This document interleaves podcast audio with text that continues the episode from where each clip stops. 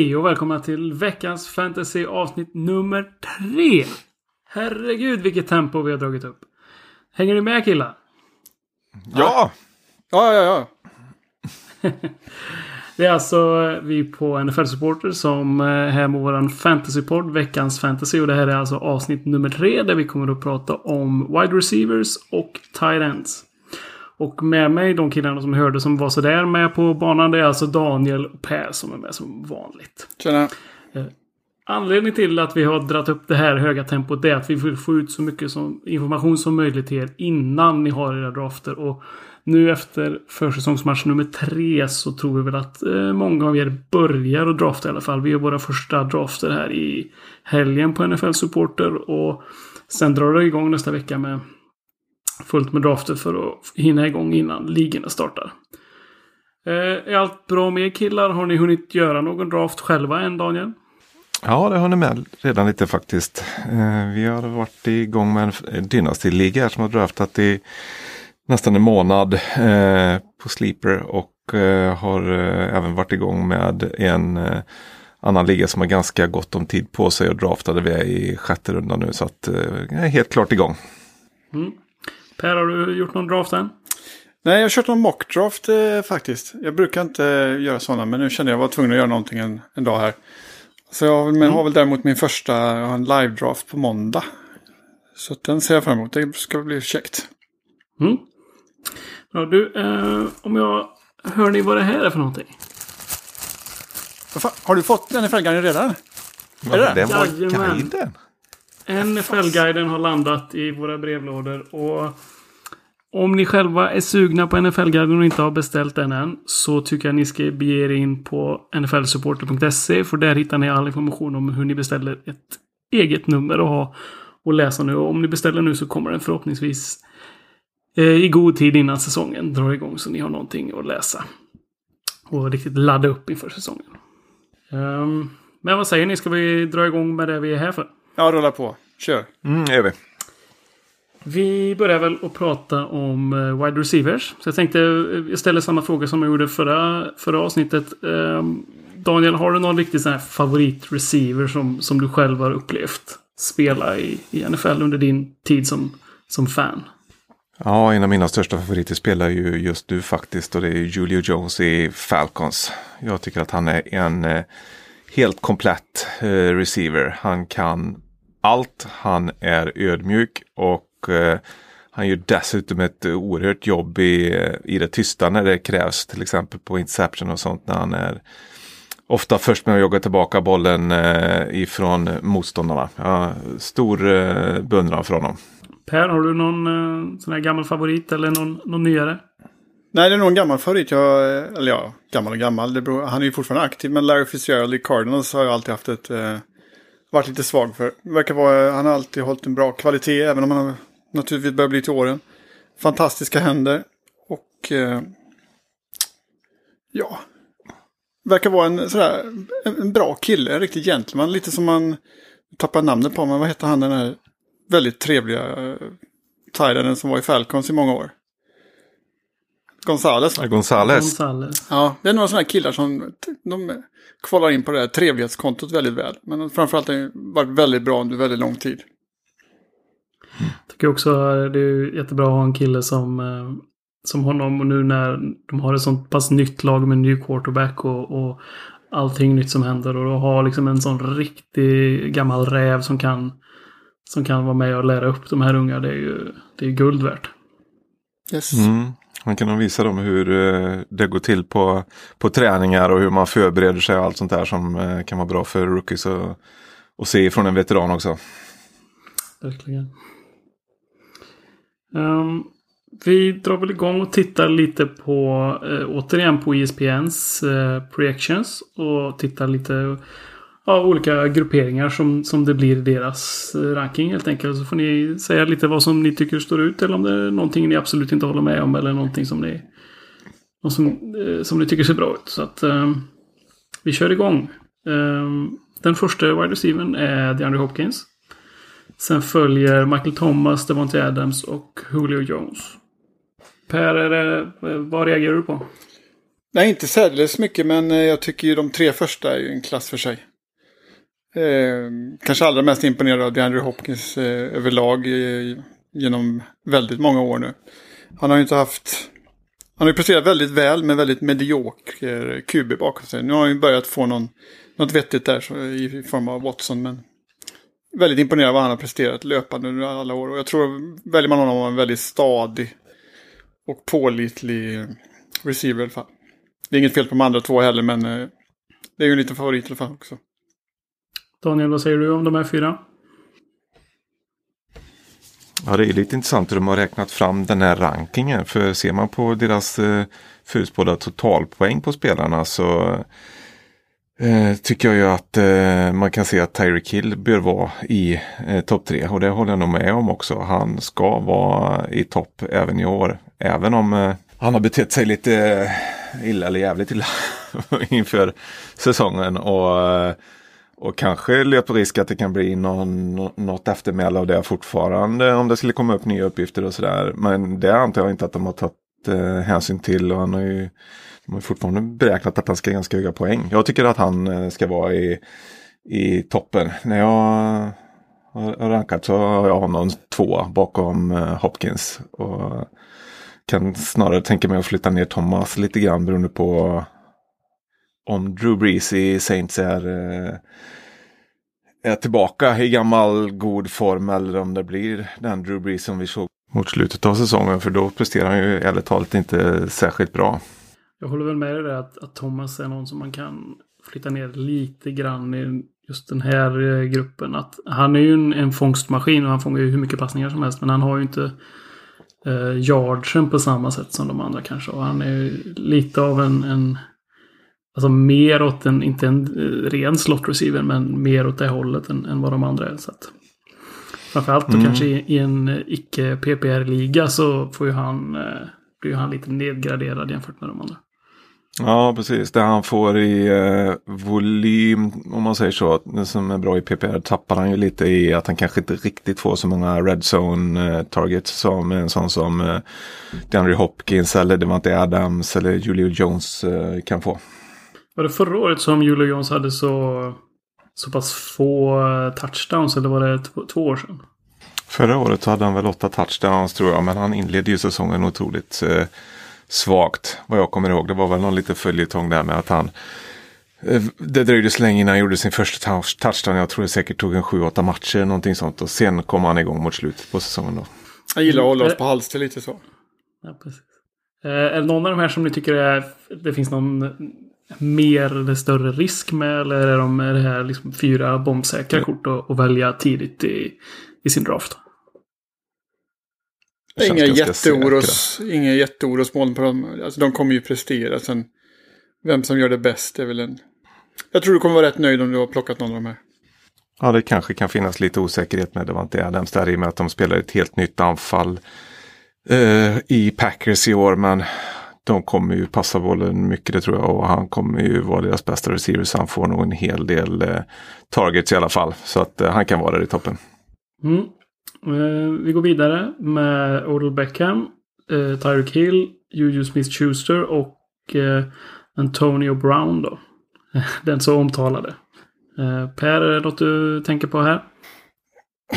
Alltså, det kanske är ett föremål för ett helt eget avsnitt, men vi har ju tassat på det här med moralaspekten. Jag har ju svårt att vara helt objektiv när jag draftar. Att inte lägga in till exempel eh, lagsympatier tyvärr och framförallt vissa individer som jag kanske tycker mindre om. Framförallt de, de som har haft eh, lite hamnat i klammer med rättvisan och sådär. Men eh, om, jag tror ju visserligen Tyreek Hill kommer prestera, men om jag tittar på den här listan på de du nämnde där, så Antonio Brown är man ju lite så här, han är ju fantastisk, men det är så oroligt kring honom. Det är väl, eh, det kan nog både flippa och floppa ganska rejält där tror jag. Eh, men killen har ju talang och är fantastiskt så, men det, det, det är ju stormigt. Det som vi sett i nyheterna de senaste veckorna, det, det händer mycket hela tiden. Även om media säkerligen tycker det är väldigt fantastiskt kul att ställa frågor till honom, för han skapar ju rubriker varje gång han öppnar käften liksom. Men jag hade nog... Jag skulle inte säga att jag hade duckat för att välja Antonio Brown. Men om alla de här fyra låg framför mig på, vid en draft så hade jag nog inte plockat Brown. Men det känns ju lite som att Antonio Brown där... Eh, är han på, är han på planen så, så kommer han ju prestera, det tror jag absolut. Men att han, han kan ju dra därifrån precis vilken vecka som helst. Han får för sig något nytt, att han ska ha några nya skor eller att han... Hjälmen passar inte eller vad det nu kan vara liksom. Så att eh, ett, man får ju vara medveten om det när man draftar att det är ju en, en, en betydligt större risk än de andra att, han, att någonting kan hända under säsongen känns det som. Men det, det kan även vara matcher där han gör tre, tre touchdowns. Eh, så de kommer ju verkligen eh, ge honom bollen. Det kan jag inte tänka mig annat. De har ju betalat rejält för honom. och De vet ju vad han kan göra och sådär. Så de har ju mängder med spel som är designade enbart för att sätta bollen i händerna på, på honom. Sen eh, får han ju lite annan quarterback än vad han har haft förut. Derek Carr kanske inte är den eh, som gör en massa spel utanför eh, eh, vad de har eh, planerat i själva spelet så att säga. Det var ju Big Ben eh, betydligt bättre på. Det kunde det ju vara så att Brown sprang sig fri efter eh, 7-8 sekunder på en helt ny yta och fick bollen. Jag vet inte om man kommer få det på samma sätt av, av Carr så att han kanske tappar lite där. Sen så Per, jag håller med dig och det här om att, att vissa spelare är det svårt att drafta. Och, och jag tycker ju en... Det kanske inte är den bästa regeln om man vill vinna, men om man vill ha kul så ska man ju drafta spelare som man själv liksom kan heja på och känna att man liksom vill att den där spelaren lyckas. Även lite alltså utanför fantasyn att... Uh, Tyreek Hill är en, en, en kontroversiell spelare får vi ändå säga. Och, och väljer man inte att drafta honom så är det någonting jag förstår mycket väl. Liksom. Tack. Det, Ja, när du släpper din moralranking som du brukar ha varje år här så antar jag att eh, Terry Kill kanske inte är i topp. han är i botten där med, med ett gäng andra. Så att, mm, vi går vidare. Vi tittar på eh, Mike Evans, eh, Keenan Allen, Amari Cooper och T.Y. Hilton. Daniel, kommentar? Alla de här spelarna är jag ganska bekväma att ta här faktiskt. Jag tycker eh, de känns säkra. Eh, och eh, jag gillar uppsidan både på Evans och T.Y. Hilton faktiskt. För jag tror att det kan vara ganska roliga anfall och, och se på i år. Med lite frågetecken för Hilton beroende på Lax skada. Men förhoppningsvis är han väl inte borta allt för länge utan att Hilton kommer få ganska hög produktion i år. Jag tycker Mike Evans situation är väl lite mer osäker. Och, och hur, hur bra Bucks offensiv är. Men, men Tiva Hilton tror jag också stenhårt på att han och, och Lack de har, en, de har någonting bra tillsammans. Och de, de känner ju varandra så länge. Så att. Per, vad, vad känner du? Nej, jag är fullt tillfreds med alla de här egentligen. Eh, Hilton har jag plockat många gånger i många drafter. Han är en pålitlig. Är väldigt rutinerad här nu. Hur gammal är den karln egentligen? Han måste väl snart börja bli lite äldre eller? Ja, det blir han väl varje år visserligen. Men, Han är nog 28-29 någonting sånt va? ja. men han har ju presterat eh, väldigt fint tycker jag. Så det... Ja, det är väl lite som vi var inne på innan. Här. Han och Evans har väl hållit lite högre än de andra två kanske. Men det, det är nyanser. Ja, vi fortsätter vidare. Eh, vi har Julian Edelman, eh, Adam Thielen, Brandon, Brandon Cooks och eh, Stefan Diggs. Eh, vi kan även slänga med Robert Woods, Kenny Galladay och Cooper Cup. Eh, så ett lite större gäng här. Eh, Daniel, vad, vad känner du? Här finns det ju en del stabila, bra spelare där jag tycker att eh, Golladay kanske har lite uppsida. Han har en bra quarterback som kan kasta en hel del. Däremot är jag lite mer tveksam till Edelman där. Han har väl egentligen aldrig varit särskilt bra i fantasy om man ska vara ärlig. Och Eh, han, han har ju varit en riktigt bra slutspelsspelare för Patriots liksom och det är väl många som tänker på det kanske och tar honom lite väl tidigt i, i fantasy. Men eh, om man sett på hans tidigare år så har han ju veckor där han kanske bara tar emot några enstaka passningar och gör en 3-4 poäng i, i fantasy och det håller ju inte riktigt i eh, i, i en fantasyuppställning. Liksom. Man behöver ha mer stabila spelare och det får man nog hitta på andra håll tycker jag. Mm. Eh, tror du att eh, Minnesota fortsätter att producera bra nog för de här två receiversen? Både Diggs och Thielen? Ja, jag tror det. Eh, jag eh, tycker att de verkar eh, ganska konsekventa och kanske vad jag har sett jobba mer med eh, sitt play action-spel liksom där, där, som jag tror kan skapa mer utrymme för, för de två. Eh, och Thielen hade ju en riktigt bra sträcka eh, där i början på förra säsongen. Och jag, jag, tror, eh, jag tror han kommer starta starkt i år igen. Per, kan, eh, kan Rams göra samma sak med Robert Woods och Branny Cooks? Som de gjorde förra året, menar du eller? Ja, men ha, ha så pass bra produktion att de, att de kan eh, mätta så många munnar. De, vi har även Cooper Cup med i den här. Så det är ju tre receivers. Ja, det är väl sådär, det är väl lite, kanske lite väl mycket gubbar kan jag tycka ibland där. Men jag hade nog föredragit de nyss nämnda i Vikings där. Man hade fått välja lite mellan dem. Men jag menar, eh, Rams kommer säkerligen gå bra så att de kommer säkert göra sin beskärda del av poäng de också. Bara fråga vem man ska plocka upp av dem i så fall. Jag, de är lite väl många där.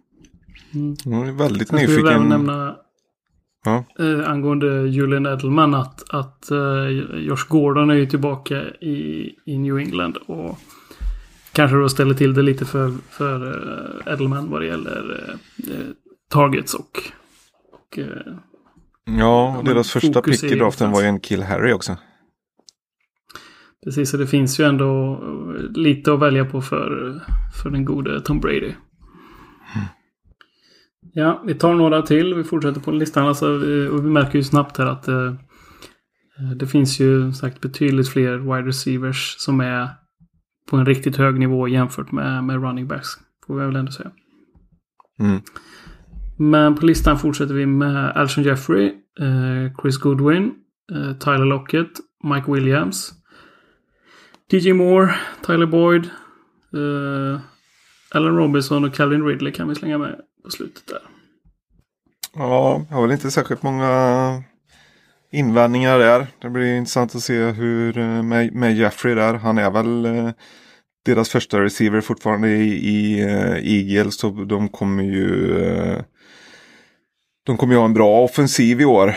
Men vi får se om Wentz har lärt sig från kritiken han fick under förra säsongen. Där han kastade ju otroligt mycket till eh, Ertz, uh, deras tight end. Uh, mm. Och det blev lite gnälligt. Jag såg en, någon som hade brutit ner alla passningar som, som Wentz hade gjort under training camp här nu. Och, och Alshon Jeffrey var hans tydligt tydliga första val. Liksom. Det var en, en, nästan kan, dubbelt så många targets som, som någon annan. Så att, mm. Jag tror nog dels att de har försökt att jobba in honom som en, en tydlig nummer ett. Men också att de har hittat den kopplingen liksom. Mm. Av deras receivers så är väl han den som är närmast en tight end om man säger så. Så att det kanske ligger nära till hans då. Sen har vi, eh, jag tycker Mike Williams i, i Chargers är intressant. Eh, det är många som tror att han kommer att ha lite en, en breakout season i år. Per tror att, eh, tror att han kan leverera? Eh, ja, det tror jag säkert han kan göra. Han har ju en duktig QB bakom sig så sett. Min favorit i gänget här egentligen. Jag tycker Chris Goodwin är intressant att kolla på där istället om jag helt enkelt får bara byta spelare här. Mm. Eh, en aspekt, så, alltså, när man tittar på wide receivers och i fantasy, det, det är ju rent ut sagt en jäkla massa namn att hålla reda på. Eh, men en aspekt man kan liksom lyfta fram och börja scouta är ju det här med att eh, lag som torskat till exempel någon receiver under året. Vilka, vilka har möjlighet att kliva fram? I, I Bucks har vi en situation där, där Jackson läm, lämnat och gått hem till, eh, vad var det för skitlag han hade gått till? Olof, kan du hjälpa mig Jag vet inte, kan det vara... Men skitsamma, uh, man har väl vänt hem till Philadelphia. Vi ska inte få skoja bort det. Men i alla fall, och då, och då, det här finns ju en kille som har alla förutsättningar för att kliva fram nu och det finns ju massa targets att liksom plocka där. Mm. Det är bara frågan vem i laget som kliver upp. Det finns ju fler dugliga i den truppen men Goodwin är väl en bra kandidat för att kunna få ännu mer targets i år. Så den, kan ju, den tycker jag kan vara intressant att följa. Ja, på det här temat med ersättare så har vi även en kille som Tyler Boyd till exempel i Bengals som kommer vara deras första receiver nu med A.J. Green borta en stor del av eh, säsongerna, kanske borta halva inledningen av säsongen här. Och, eh, han kommer alltså rankas här i ungefär samma nivå som eh, Rams tredje receiver. Men han kommer ju få betydligt fler targets i ett lag som kommer ligga under i många matcher och kasta bollen mycket. Så att eh, det är absolut en eh, intressant spelare här tycker jag som man kan eh, plocka upp. Tyler Boyd är en kandidat för att göra en, eh, en sån, eh, jag vill inte säga fuling, men att, att vi draftar Tyler Boyd, har honom första 5-6 veckorna där han är ensam och, och presterar kanonbra och sen så kan du trada honom där mitten på säsongen mot någon annan. När, när AJ Green kommer tillbaka och drar ner hans värde lite där. Så. Mm, absolut. Ett tips till er där ute. Finns ju, den motsatta aspekten finns ju också någonstans. Att vi, jag tror missade vi väl lite i förra avsnittet när vi pratade om eh, Nick Chubb passerade väl ganska obemärkt förbi den, i den diskussionen. Men han har ju en sits där det kommer in en running back efter åtta veckor här. Mm. Eh, och nu står det still i huvudet, men det är ju han bad boy-pojken där också. Ka Kareem Hunt. Ja, precis. och där, det är ju ingen dålig lirare som kommer in då och ska konkurrera. Så att eh, man bör ha i beaktning vilka Eh, dels då som vi nämnde som är skadade och som kommer, kommer komma in här vid halvvägs. Och, och, och, även avstängda spelare som det oftast finns en drös utav. Som kanske man lätt glömmer bort för de är inte med på de här listorna man sitter med under draften. Men de kan mycket väl förstöra värdet på den där killen som man precis ska plocka. Det kanske kommer se bra ut i fyra fem veckor men hur ser det ut sen? Också i sin tur att du har ett värde i om du kan få en sån spelare sent i din draft och som du om du lyckas eh, hålla dig vid liv så länge i, i ligan och sen så får du in då en spelare som A.J. Green eller eh, Kareem Hunt. Vecka mm. 8 får en riktig skjuts in mot slutspelet. Ja, det brukar väl ofta vara rätt intressant i de sista rundorna i en draft. Liksom, och när, när folk börjar plocka på sig de här riktiga chansningarna. Snubbar med brutna ben och avstängningar och lite chansningar som kan gå vägen när man börjar närma sig slutspelet i sin liga många chanser på rookies där i slutet eh, av draften. Och eh, hoppas att de ska utvecklas och bli riktigt bra. Men då kan man lika gärna ta bra spelare som håller på att bli friska och som kommer prestera när de är tillbaka. Som man redan vet är bra liksom. Det var en riktig radioövergång där Daniel. Jag tycker att vi, vi följer den och, och snackar lite, lite rookies här. Det har ju kommit in eh, ett gäng men inte kanske några riktiga superstjärnor eller vad? Hur känner ni spontant över den här rookie klassen? jag tycker det är svårt överlag med rookies på alltså båda de här positionerna som vi pratar om idag, receivers och tight ends. Så de brukar behöva någon säsong på sig innan de börjar bli varma i kläderna. Och ja, jag ser ingen sån här som jag känner eh, i år att det är självklart att han kommer att explodera och, och bli bra. Liksom. De som de flesta verkar höga på har ju, har ju hyfsat intressanta situationen Då. Det är en kill Harry i Patriots. Han har haft lite problem under eh, försäsongen här nu. Känns inte alls eh, klart att han kommer att komma in och dominera från start. Och sen Metcalf eh, i, eh, i Seahawks. Eh, många var ju väldigt eh, eh, intresserade av honom och trodde att han skulle gå väldigt tidigt inför draften. Men han fick dem väl i runda två eller tre sen eh, Seahawks. Men eh, han har det sett ut som att de kan använda eh, flitigt i Seahawks tills han åkte på någon skada här nu och missar inledningen på säsongen. Och sen finns väl Debo Samuel i 49ers också. Men det finns det ganska mycket andra receivers. Eh, och jag tror att eh, de kommer sprida ut det lite. Så det, det är väldigt svårt att känna att någon av dem är eh, några liksom säkra kandidater till eh, ja, ja topp 20 receivers. Man kanske ska vara nöjd om någon är topp 40 snarare. Per, är det någon du känner som du kanske är sugen på sent i draften? Nej, det, det är möjligtvis de som är nyss nämnda så sätt. Men eh, om jag skulle ju ge mig på att plocka upp massa rookies så hade jag nog mer plockat på mig ett gäng eh, running backs på slutet i en draft. Eh, wide receivers, det är jättekul att se nya förmågor i ligan. Så, men i, fan, i fantasy liksom svängen så tror jag inte kommer satsa något vidare på någon i år direkt. Nej, en liten lott man kan skaffa är ju han Jacobi Myers i Patriots. När de flesta kollar på en Kill Harry så, så kan det precis lika gärna bli han som blir den rookie receivern i Patriots i år som, eh, som kliver fram. Så att då kan man ju hellre ta honom i slutet av draften än att plocka en Kill Harry någonstans i, i mitten tycker jag. Men det är ju liksom samtidigt det här med dilemmat med Patriots just att även om de gör väldigt bra ifrån sig i någon match så väljer de att springa 100% nästa match. Så att... Mm. Jobbigt lag att plocka killar ifrån. Ja. Mm, ja, verkligen. Ehm, jag kan dra igenom lite snabbt här några av de wide receivers som just nu rankas som antingen eh, nummer två eller tre i, i sina respektive lag. Ehm, som ändå då borde få någon slags produktion i alla fall i och med att de borde vara på banan rätt mycket. Det är ju, säger man en Keel eller Nikhil Harry i, i New England då. Eh, och som ni nämnde DK Metcalf och DBO Samuel i, i San Francisco och även Mar Marquise Brown i, i Baltimore eh, rankas enligt den här listan som en eh, wide receiver 2 då i, i Baltimore. Sen har vi eh, A.J. Brown i Tennessee. Vi har Andy Isabella i Arizona. Hunter Renfro i Oakland. Eh, Nicole Hardman i, i Kansas City. Och Paris Campbell i Indianapolis. Skulle även kunna nämna Miles Boykin i Baltimore som också pratat en hel del om eh, det senaste. Har du någon favorit där, Olof? Eh, jag, skulle vilja nämna eh, Keyshawn Johnson i Arizona. Ehm, han är ju den egentligen som det har pratats mest om i Arizona om man tittar på deras rookie receivers. De valde ju tre i årets draft. Eh, han valdes ju sist av dem i sjätte rundan. Men tydligen så har han varit ett, ett, eh, ett populärt target hos eh, Hos, eh, nu tappar jag namnet här på deras eh, Murray. Rookie. Kyler Murray.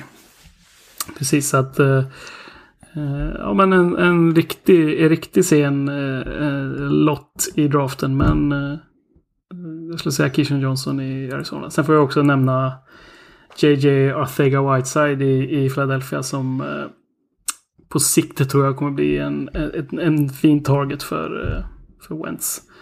Det är väl ett av årets uttal också, om inte annat. Ja, Ja, men vad det, jag tycker det är viktigt. De har, de har börjat här i försäsongen alla, alla kommentatorer så får man hänga på med Ortega Whiteside. Fake. Ja. Men han är ju en, en, stor, en stor kropp och, och båda föräldrarna är, är basketspelare. Så det är ju bara att kasta upp bollen så får han plocka ner den liksom. Inga konstigheter. Nej, det är enkelt. Mm. Då har vi våran eh, eh, flipp eller flopp. Där jag som sagt nämner en spelare och ni får berätta för mig om det blir en, en flipp eller flopp utifrån årets förutsättningar helt enkelt. Eh, och vi kan väl börja Ja. med Deshaun Jackson som då återvänder till Eagles. Finns det något krut kvar i honom? Han, han lever ju mycket på sin, sin fart och nu, nu börjar han ju. Han, han eh, är ju över 30-strecket och vad tror ni? Kan han, eh, kan han ha en bra säsong? Jag säger flopp. Jag tror han har... Det finns, till, det finns så många bra targets där ändå så att... Jag tror han har svårt att få tillräckligt mycket volym för att motivera sig själv i en fantasy. Jag tror att Eagles kommer att ha ganska stor nytta av honom i år och att eh, det kommer finnas matcher där han kanske gör två touchdowns och sådär. Men det kommer vara väldigt beroende på eh, motstånd och inte något som vi kommer räkna med någon stabil fantasyproduktion från. Eh, sådär, utan eh, då får man ha honom, ta honom sent och hoppas man kan stoppa in honom på, på flexen när man vet att han möter motstånd som kanske har lite dåligt secondary eller så där han kan få chans att glänsa lite. Eh, jag skulle väl tro att han, han kan ha en ganska bra start på säsongen. Men jag är svårt han kan, att han ska hålla liksom he, hela vägen. De har ändå haft en ganska bra eh, koppling han och, och Wentz och, och försökt hitta den här djupa passningen. Så jag hoppas att den åtminstone kan funka under hela säsongen. Men vi, vi, får- vi får väl se helt enkelt. De har inte spelat ihop något innan denna säsongen va? Nej. Nej. Då fortsätter vi med en, en till eh, spelare från NFC East. Vi, vi slänger upp uh, Amari Cooper som ju var tämligen dyr för Dallas att införskaffa. Men han betalade sig av ganska väl i slutet av säsongen och var ju riktigt bra de sista 11 matcherna tror jag som han var i Dallas. Men eh, kommer succén, succén att fortsätta den här säsongen? Flipp eller flopp? Vad tror du Per? Jag tror på flipp. Eh, sen kan man väl ifrågasätta, eller alltså, vad ska jag säga, man kan ha funderingar kring hur eh, situationen kommer att vara för honom i Dallas. De har ju inte alltid hanterat sitt cap space jättebra och har väl väldigt många som ska ha pengar där någon gång. Så att, eh, jag tror dock han kommer ha en bra säsong, men hans karriär i, och hur länge han finns kvar där, det, det vet man inte. Nej, men det kan nog funka som en motivationskraft tror jag både för honom och för cowboys eh, i år. Han är ju i lite av ett kontraktsår eh, får man ju säga. Och han kom in otroligt bra mitt i säsongen med cowboys eh, förra året. Eh, gjorde mycket bra i, i många matcherna och nu har de fått en hel försäsong på sig så tror jag verkligen att de kommer kunna använda honom mycket. Eh, och det tror jag de kommer vilja göra också. Eh, han har ju Gallup eh, med sig också som kanske blir den som tar över som receiver ett där vad det lider. Men eh, i år, tror jag, år tror jag verkligen på, på Cooper. Så att eh, en klar flipp. Mm. Nästa spelare eh, som vi slänger upp det är Jarvis Landry. Han var ju eh, självskriven nummer ett i Browns i fjol. Men eh, nu har han ju fått en, en, en lekkamrat i Odell Beckham. Men vad tror ni händer med, med produktionen? Daniel? Flipp eller flopp? Uh, flopp, tror jag. Uh, jag har aldrig varit ett stort fan av uh, Jarvis Landry. Han har väl ah, i och för sig alltid kunnat sätta sig i en position så att han har fått passningar. Så han har ju fått väldigt mycket mottagningar. Eh, både när han var i i Dolphins och jag tyckte de eh, lyckades eh, sätta bollen i händerna på honom en hel del i, i Browns också förra året. Men det hände ju inte så jäkla mycket efter att han väl har fått bollen liksom. Och, och nu när de har Odell så vill de ju, han är ju en riktig playmaker liksom. Han kommer de ju verkligen att försöka ge bollen och i Redzone har de ju deras tight end David Njoku och, och det, jag, jag, jag floppar Landry i år. Jag tror inte det blir så mycket. Per, håller du med? Ja, alltså eh, om måttstocken för flipp eller flopp är liksom om det blir mer poäng eller färre poäng så tror jag ändå att Landry kommer göra färre poäng. Alltså det, de, blir, de blir fler om budet här. Och, och lite som Daniel säger, så exceptionell är han inte. Utan det kommer, han kommer eh, gå tillbaka lite i produktion i år. Sen så får ni en, en, en, eh, en tuff nöt att knäcka här, men jag slänger också upp eh, Antonio Brown. Kommer han att frälsa Raiders eller kommer det att skita sig någon gång under säsongen? Eh, vad tror du Daniel? Jag är bombsäker på att det kommer skita sig någon gång under säsongen för Antonio Brown. Han kommer missa någon match på något konstigt sätt och göra bort sig ett par gånger. Men han kommer också ha några matcher med galen produktion och de kommer ge honom bollen mycket. Han eh, är ju speciell och de har ju säkert gjort massa spel enbart för honom. Eh, så visst kommer det vara lite tråkigheter men jag tror han slutar säsongen som fansens nya kelgris ändå. Du kör som klassisk helgardering. Ja, det var snyggt. 1, kryss 2. Ja. Per, flipp eller flopp på, på Antonio Brown? Ja, men då, då får jag gå floppar för att eh, vara lite motsträvig här. Jag tror, de, jag tror det kommer, vi säger att de, det kommer barka åt skogen säger jag bara för att vara lite pessimistisk i gänget här. Det var ju det Daniel precis sa. Han, han var också övertygad om att det blir en... Nej, jag, jag flippar en, en honom. Men, jag flippar ja, okay. honom. Men han kommer ju ha några matcher där det kommer vara något sjukt. Liksom att han helt plötsligt inte dyker upp eller något sånt där bara.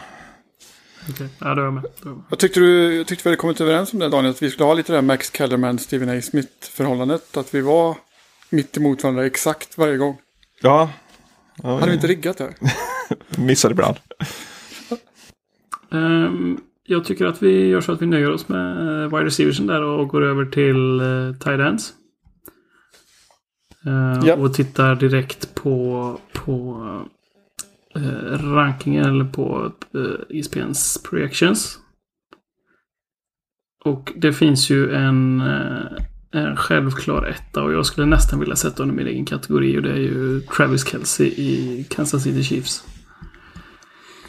Är han, är han ensam på toppen, eh, Daniel?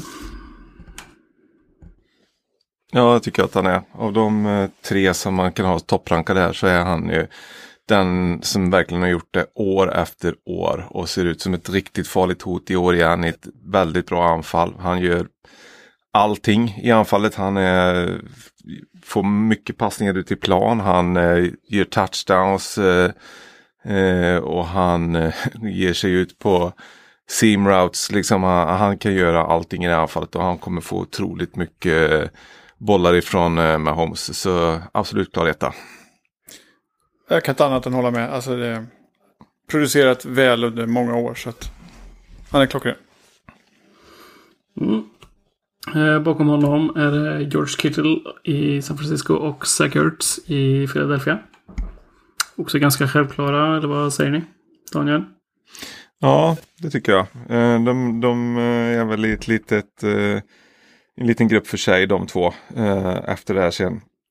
Sen börjar det och falla ner på lite mer eh, osäkra kort. Men eh, båda de här två kommer ju få ganska mycket eh, att göra också i varje match. Så att eh, jag tycker de är eh, eh, värda att plocka kanske någonstans i eh, tredje rundan där. Och, eh, ja, det, det faller nog ner ett par omgångar, ett par runder ner sen tills man kommer till eh, nästa tight end på listan tycker jag.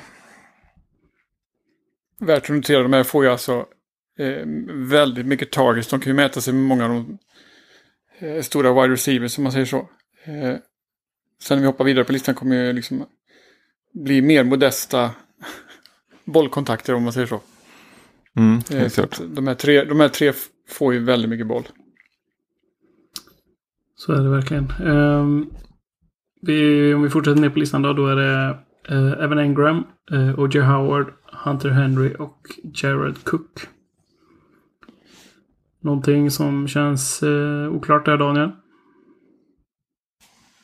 Ja, här känns ju det mesta ganska oklart eh, tycker jag. Det är ju faktiskt eh, spelare som varit skadade här i eh, Engram och eh, Hunter Henry. Eh, de har ju otrolig uppsida båda de två. De var väldigt bra innan de blev skadade. Men hur ser de ut nu? Det är svårt att veta. Eh, och sen har vi Jared Cook som var riktigt bra förra året. Lite oväntat eh, med tanke på att han har några år i ligan. Eh, var det ett undantag eller kommer han att prestera bättre nu i ett anfall som egentligen borde vara bättre än det han hade i Raiders förra säsongen? Han hade ju en ganska sjuk säsong förra året om man ser till statistiken. Så jag tror själv att han kommer att, att, att ta ett par steg bakåt även om han får en bättre quarterback. Mm. Jo, det är nog mycket möjligt eh, att han gör. Men han, han kan nog ändå vara värd en, en plats här tycker jag. Per, vad säger du? Eh, jag, jag är väl lite sådär tveksam till eh, Jared Cook. Alltså jag gillar ju Saints väldigt mycket men lite osäker till eh, ja, hans, ja, hur det kommer gå för honom där. Så att säga. Det, han är ju visserligen rutinerad och kommer säkert klara sig jättebra. Så här, men ja, jag hade nog, alltså om vi tittar på de här eh, Ingram, Howard, Henry och Cook så hade jag nog satsat på någon av de tre ovanstående där. Mm. Det, ja, det känns som tre säkra val och jag tycker även Engram, han känns ju som att han är med den eh, de eh, få wide receivers som, som det finns i, i Giants. Det med skador och annat. Och det är egentligen bara Sterling Shepard som är eh, som har producerat innan. Så är ju även Engram säkerligen en av eh, Eli's top targets här i, först, i början på säsongen. Om vi nu tror att Eli är den som startar. Tittar man just Ja. på måltavlor också i konkurrensen om man ser vad gäller att om andra som ska ha bollen i, i Giants är inte stor. Eh, Vi pratade om Buccaneers innan då med det här att eh, Goodwin hade en god chans att kliva fram. Likadant är det för Howard här och kanske plocka fler bollar. Henry har ju ingen konkurrens i år från, eh, vad heter han, den gamle gubben som Gates var väl där i många år och tagit bollar för. Mm. Så att med, alla de tre har ju liksom goda möjligheter att eh, få fler targets i år. Cook, ja. ehm, ja, han kommer ju säkert få sina bollar också, men jag tycker de andra tre är en intressantare situation således, just vad gäller volym. Mm. Eh, vi fortsätter lite längre ner. Eh, vi har Vance McDonald i Pittsburgh. David Njoku, eh, Delaney Walker och eh, Eric Ebron i Indianapolis. Nu är vi nere ganska långt och gräver i, i listan, eller vad säger ni? Ja, verkligen. Här finns det verkligen inte alls samma stabilitet. För när man kommer förbi de första fem, sex, sju kanske. Eh, så börjar det bli ganska med. Så det är inte särskilt mycket namn ner på listan här som man känner att wow, här har jag min lösning för den här säsongen. Utan då vill det nog snarare till att man eh, börjar fundera på kanske ha ett par stycken och lyckas hitta bra matchups eh, vecka för vecka där man kan eh, starta dem. Någon slags streamingupplägg eh, så liksom. Ehm, Eric Ebron där som var en av dem du nämnde eh, hade ju en jättebra säsong förra året men då var ju otroligt mycket av hans produktion touchdowns. Han hade 13 touchdowns förra året. Det är ju väldigt mycket för en tight end. Det är nästan en per, per match. Eh, och det kan man ju verkligen inte räkna med i år. Jag ser att de har i sina projections här räknat att han inte ens gör hälften av, av det. Och det beror väl delvis på att Jack Doyle är tillbaka där i, i Colts. Som jag tror att de kommer att använda mycket mer i eh, ute på planen i alla fall. Så att ingen av de två blir ju något jättespännande alternativ på grund av att de äter lite av varandras produktion där. Jack, Doyle har ju varit en, en favorit för Andrew Luck också eh, när han har varit frisk. Så att jag tror ju snarare att, att han kommer att producera eh, lika bra, om inte bättre, än vad Eric Ebron kommer att göra. Nu när hans touchdowns förmodligen kommer att, att gå ner till en, en mer rimlig nivå. Tänker jag. Colts, eh, Colts i Red Zone blir ju intressant att se. De har ju ändå ganska många rejäla killar att ställa in där. De har ju, plockade ju in Funches då som visserligen inte kan fånga bollar men stor är han ju. Och så Doyle och Ebron och Hilton och allt vad det är. Så att där finns ju många måltavlor nu i, i en zon för, för Luck.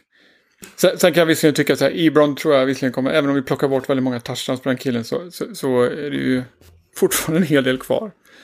Men jag tror i många drafter kommer han nog eh, gå rätt lite för högt. Så jag tror man ska akta sig för den ändå. Ja, precis. Kan man ta, om man får välja på Ebron i runda 10 och Doyle i runda 15 så tar jag hellre Doyle senare. Det är ju mycket möjligt att han till och med överträffar Ebron i fantasyproduktion. Så. Ja.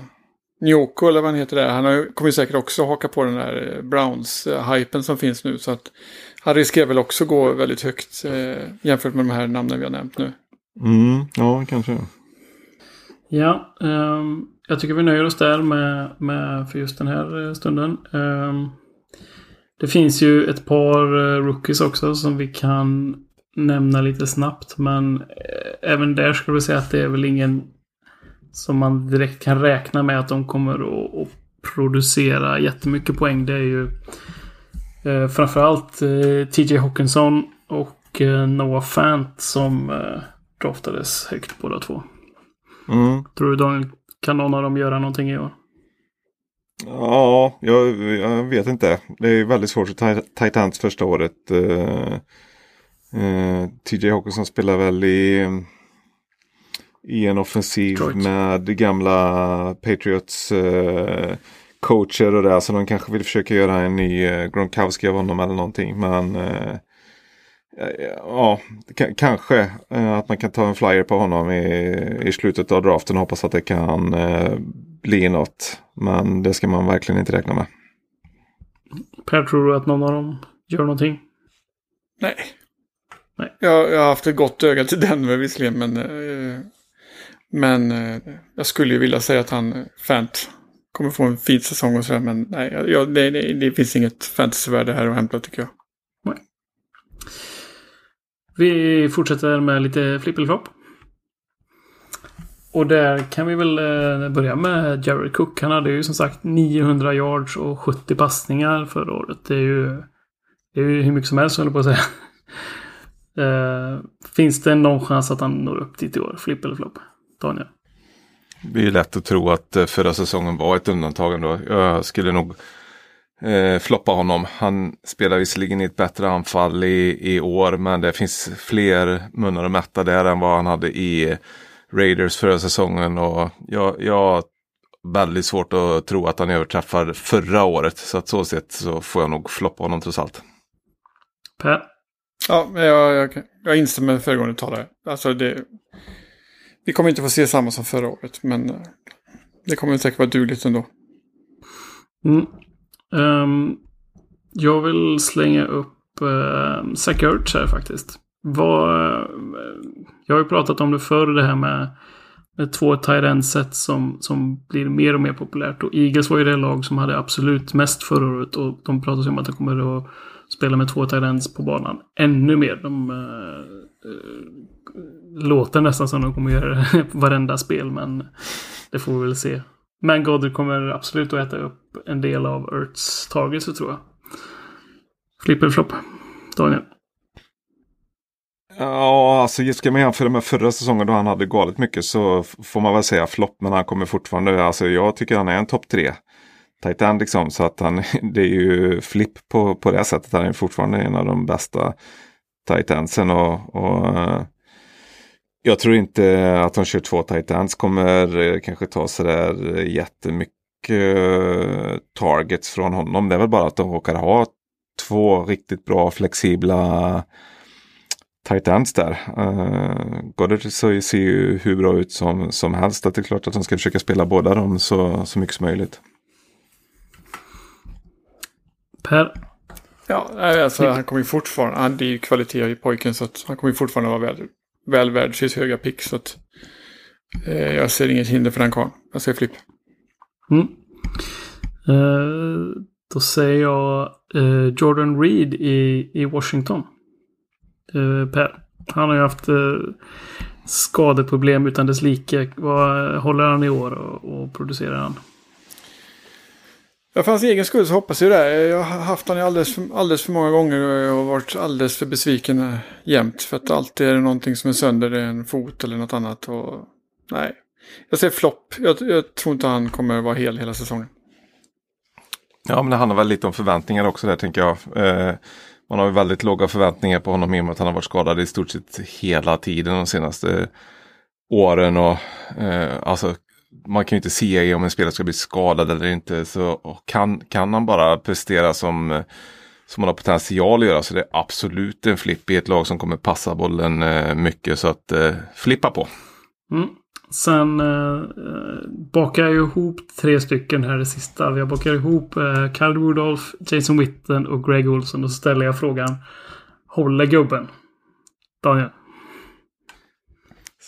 Ska man se det här som en kollektiv grupp som heter Gubben här nu kanske då så, så tror jag inte att den håller tyvärr. Eh, det är väl möjligtvis om Greg Olsen kanske kan eh, hålla igång det en säsong till. Jag tycker Kai Rudolph har sett rätt trött ut de senaste två säsongerna och det är de med Irv Smith som säkert kommer ta över vad det lider. Eh, och Witten det är ju bara av ren barmhärtighet som Cowboys eh, har honom på rostern i år. Jag tror inte vi ska bry oss om honom i fantasy överhuvudtaget.